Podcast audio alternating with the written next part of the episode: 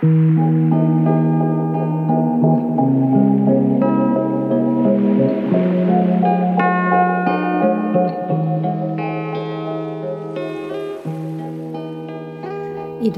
har jeg fått på besøk eh, professor emeritus Kari Dyrekrov. Og, eh, og, vi skal snakke om likemannsstøtte. Så kanskje vi skal bare be kun like personstøtte. Nå, topp, nå sa jeg med én gang feil. Jeg så blikket ditt. Er det, er det lenge siden vi å si like personstøtte?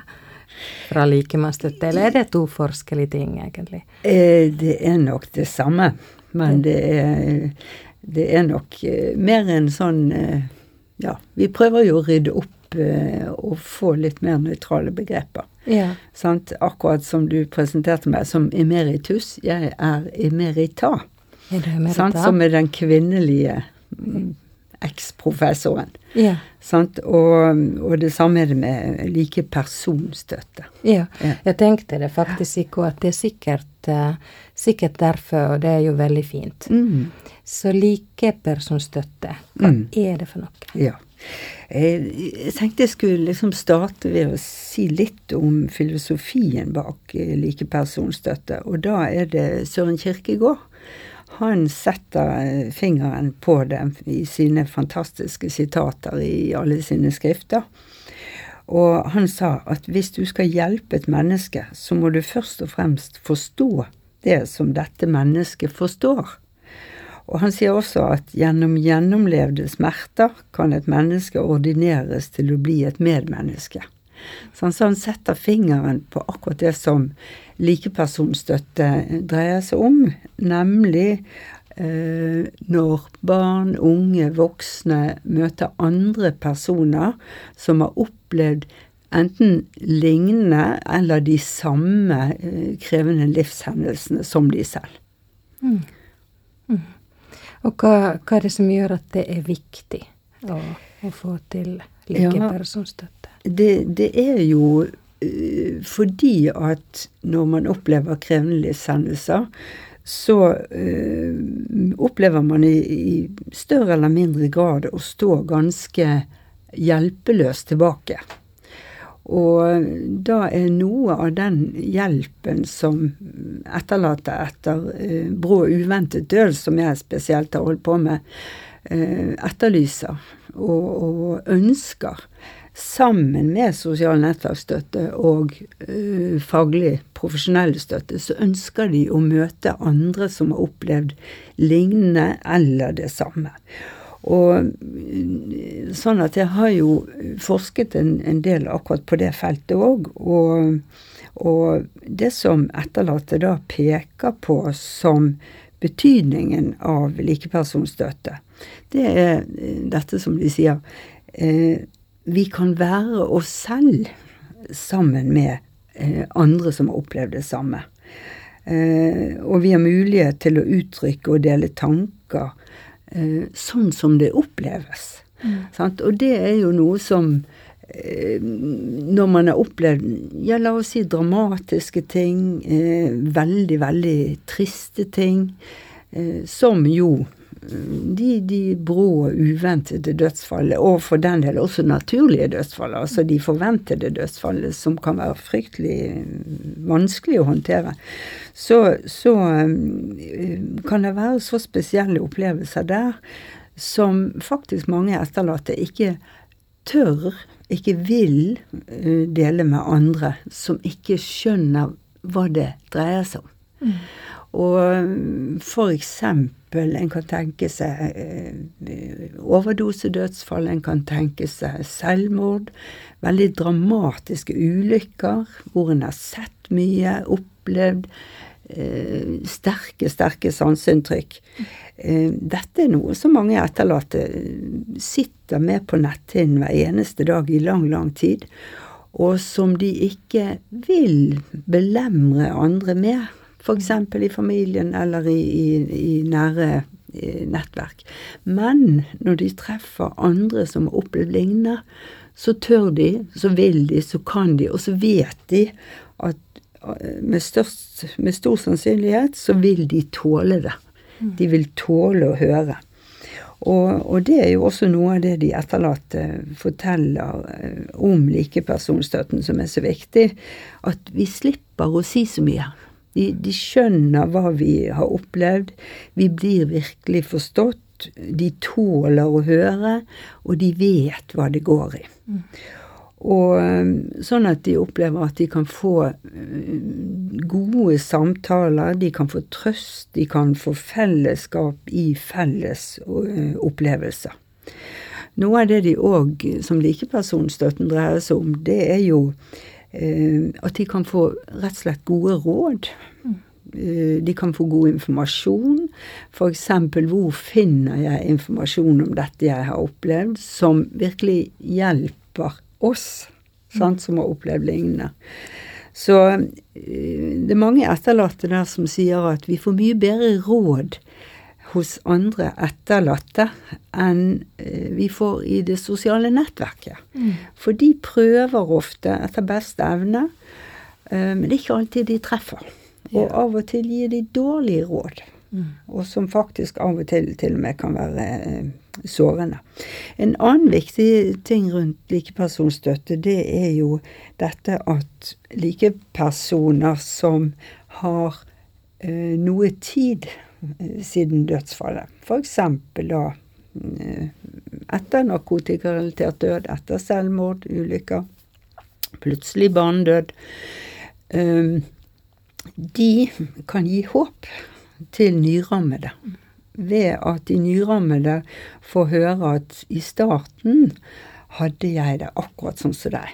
Jeg, jeg, visste ikke forskjell på dag og natt. Jeg var virkelig eh, ute å kjøre, opplevde jeg selv.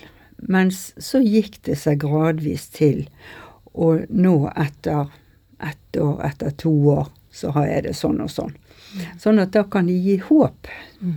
til de nyrammede verden går ikke under. Jeg kan faktisk klare å komme meg videre. Så det, det er òg en viktig ting. En, en, annen viktig ting, det er eh, faktisk dette at Og det høres kanskje rart ut, men eh, det å ta time out, eh, det å ha fri minutt fra sorgen, det å eh, gjøre noe helt annet, faktisk eh, gjøre noe lystbetont til og med, uten å bli misforstått av omgivelsene. For det er lett for omgivelsene, de sitter der, de har så lyst at å, nå har hun fått det bedre. Nå har han fått det litt bedre. For nå ser jeg at han går ut igjen. Han går på, på kafé, han eh, ja, går på konsert osv.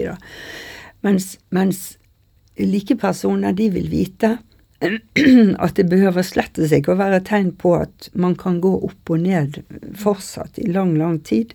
Men det er viktig å være sammen, gjøre, prøve å tvinge seg i perioder hvor en faktisk ikke har lyst til det i det hele tatt.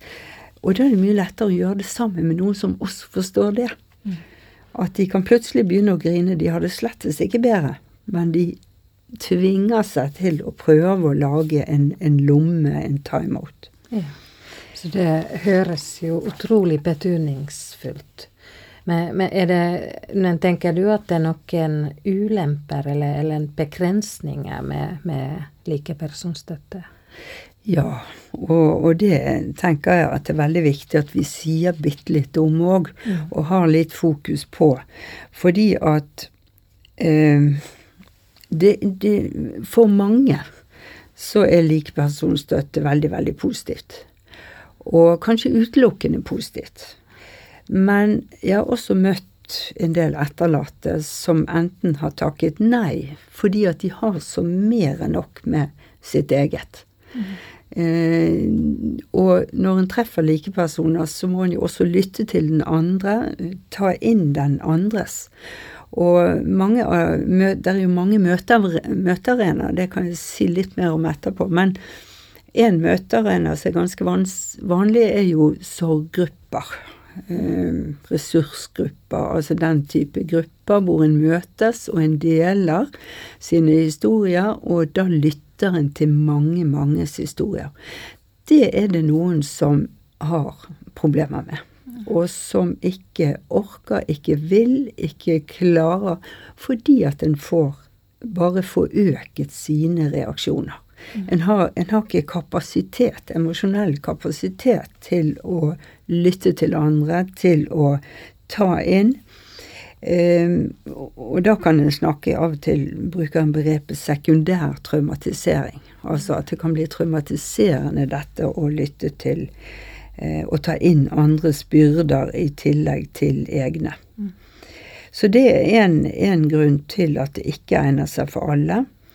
Um, så har vi et annet begrep som fagbegrep som en kaller koruminering, eller altså samgrubling. Og det er noen mennesker som har litt større eh, tendenser til grublerier. Å gå i sirkler. Og det henger, kan også henge sammen med denne kompliserte sorgen som jeg også skal snakke om. Uh, og hvis en har store tendenser til det, så kan sånne arenaer hvor en får inn og har fokus på vanskeligheter og andres vanskeligheter i tillegg til ene, egne, gjøre at eh, det kan bli mye sånn gå i ring rundt grubling og lite konstruktivt for å, å klare å gå videre i, i sorgen. Eh, noe eh, kanskje av det farligste, hvis en skal si det i hermetegn, sant? Det kan være hvis eh, likepersoner blir så viktige i eh, sørgendes liv at de blir viktigere enn alt annet. Og alt annet blir skjøvet ut fordi at alle andre forstår ikke. Det er kun likepersoner som kan forstå. Og da kan det føre til at man skyver fra seg familien, skyver fra seg tidligere venner, og en isolerer seg i en sånn etterlatte-identitet. Eh, så, så, det er noe som blir veldig viktig. Eh, at en ikke skyver fra seg eh, alle andre, fordi at de kommer kanskje aldri tilbake. Mm. Og så blir en gående mer og mer og, og isolert og snevrer seg inn til kun de som forstår det hele. Og da blir det jo viktig for de som driver sorggruppe eller andre former for likepersonstøtte, at de gjør en kanskje obs på dette fenomenet, og oppfordrer til hold på de gamle, gode vennene, og de som har støttet deg i denne vanskelige situasjonen. Prøv å støtte deg. Kanskje de ikke har forstått alt, men prøv å ta og kommunisere om det. Snakk om det. Mm. Så det høres ut at likepersonstøtte er viktig, men, men liksom viktig som en, en av de mange tilbudene altså, og, og støtteformene som, som etterlatte trenger. Mm. Vi har jo denne, altså Dette er jo endkast, og vi, vi snakker jo om etterlatte etter narkotikarelatert død. Mm. Hvordan, hva tenker du om i, i, i forhold til likepersonstøtte til etterlatte i i vårt prosjekt. Hva er mm. viktig å tenke på her? Mm. Jeg, jeg, tenker at de samme tingene som jeg har sagt nå, vil også gjelde for etterlatte ved narkotikarelatert død. Mm. Og mm, jeg tenker at det kanskje på mange måter er ekstra, ekstra viktig å ha den muligheten å treffe andre i samme situasjon. Og når jeg sier det, så så handler det om at vi har jo sett i N-studien til nå at der er stigma eh, mot etterlatte eh, etter denne type død, fordi at det lå og ligger et sterkt stigma på det å bruke rus, på det å være avhengig av rus eh, i vårt samfunn som det er i de aller, aller fleste eh, samfunn. Og denne stigmatiseringen, fordømmelsen av å bruke rus, den blir overført på de etterlatte. Mm. Og eh, da blir det Og det er fører jo til utenforskap, det fører til eh, at man opplever seg annerledes, eh, at ikke du har en verdig sorg, mm. at ikke du har en at denne døden ikke er verdig å sørge over, kan i det vers, i ytterste konsekvens bli eh, det som de etterlatte opplever. Og da blir det enormt viktig òg at etterlatte får treffe hverandre. Og eh, som jeg husker veldig godt en etterlatt etter selvmord sa til meg for mange, mange år siden, mens selvmord var ganske stigmatisert. Eh, det var at etter hun hadde møtt mange etterlatte i en sånn samling, så sa hun det at da hun gikk ut, at nå ser jeg at jeg er akkurat så normal som jeg trodde at jeg var. Mm. At en møter andre, ser at dette er jo som deg og meg, det er helt vanlige mennesker. Eh, og en kan snakke om disse reaksjonene, en kan snakke om det å føle seg utenfor, en kan snakke om sinne, om angst, om sorgen, om alle tingene, og oppleve dette fellesskapet som, som blir så viktig. Mm. Og så kan en også faktisk Hvordan kan vi eh, bidra til å bygge ned stigma? Sant? En kan forene krefter. Mm. Men, men fins det noen arenaer allerede, eller eh, få etterlatte etter narkotika? Altså, det, det fins eh, ingen, ingen, spesielle egne arenaer. Eh, vi har jo ivaretas som en pårørendeorganisasjon pårørende organisasjon primært. Mm. Og fokuset har vært på pårørende ved rus og ved narkotika. Og det er viktig. Mm. kjempeviktig, for det er jo en fryktelig vanskelig fase. Mm. Og, og mange, mange år for mange. Men når da dødsfallet inntrer, så har det ikke vært egne støttegrupper. Uh, I hvert fall ikke landsdekkende. Jeg vet det har vært noen i Fransiskushjelpen har prøvd å gruppere, sånn som de har gjort i forhold til selvmord. De har prøvd å gruppere og samle når man har nok som har meldt seg. Men det er litt sånn tilfeldig eh, om det da blir nok i Oslo til å danne en gruppe. Og resten av landet er nok ikke noe spesifikt for etterlatte ved narkotikarelatert død. Så, så, det er nok på, på høy tid at eh, de kanskje får et spisset fokus, sånn som skjedde for 20 år siden, eh, da jeg på bakgrunn av akkurat samme type forskning, tok initiativ til LEVE, Landsforeningen for etterlatte ved selvmord. Og vi har sett hvor stor betydning det har hatt for den gruppen, og også for å bygge ned eh, stigma. Og hvor de etterlatte har vært eh, Både har eh, fått i gang likepersonsstøtte gjennom sorggrupper, gjennom samlinger, gjennom én-til-én-treff, gjennom kafétreff, turer. Altså enormt masse som en har kunnet gjøre gjennom en sånn type organisasjon. Mm.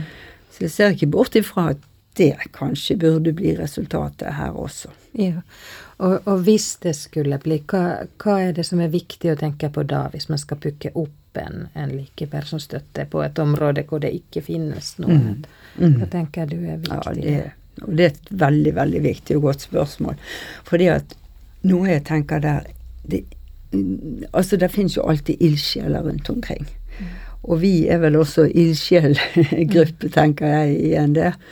Eh, men det som blir så viktig, dette må ikke bli enkeltstunt. Dette må ikke bli hurtig. Dette må en organisasjon eller en, et system for eh, likepersonstøtte det må bygges på solid grunnfjell. Og det som jeg har veldig troen på, ut ifra at vi gjorde det nettopp det for Leve, det var å la fagpersoner og etterlatte gå sammen om å gjøre det. Og der hadde vi en regel som ble fulgt i Leve i alle år etterpå, at alle organer, alle styrer, alle grupper skal bestå av to tredjedeler etterlatte og en tredjedel fagpersoner. Mm. Sånn at stemmene til de etterlatte og til likepersonene skal være det som alltid kan trumfe uh, fagpersonene. Det skal, for det er de som har skoen på. Det er ja. de som uh, kan dette, samtidig som det er så viktig at disse to gruppene kan støtte hverandre og tilføre hverandre kunnskap, mm. og ta denne kunnskapen inn i sine respektive mm. miljø. Mm. Sånn at det har jeg troen på. Ja. Så noe med å bygge opp en solid fundament og tenke litt på sammensetningen, det er, det er viktig i en sånn mm. prosess. Med, med, og tenke ja. økonomi. Ja. Altså økonomi. Det må også ligge økonomi. En kan Sånn at en kan ikke bare bygge dette på, på ideelle En må ha ansatt folk eh, også. Sånn at en, en, en, har noen som Ellers så blir det fort at den ene har ikke tid, den andre har ikke tid.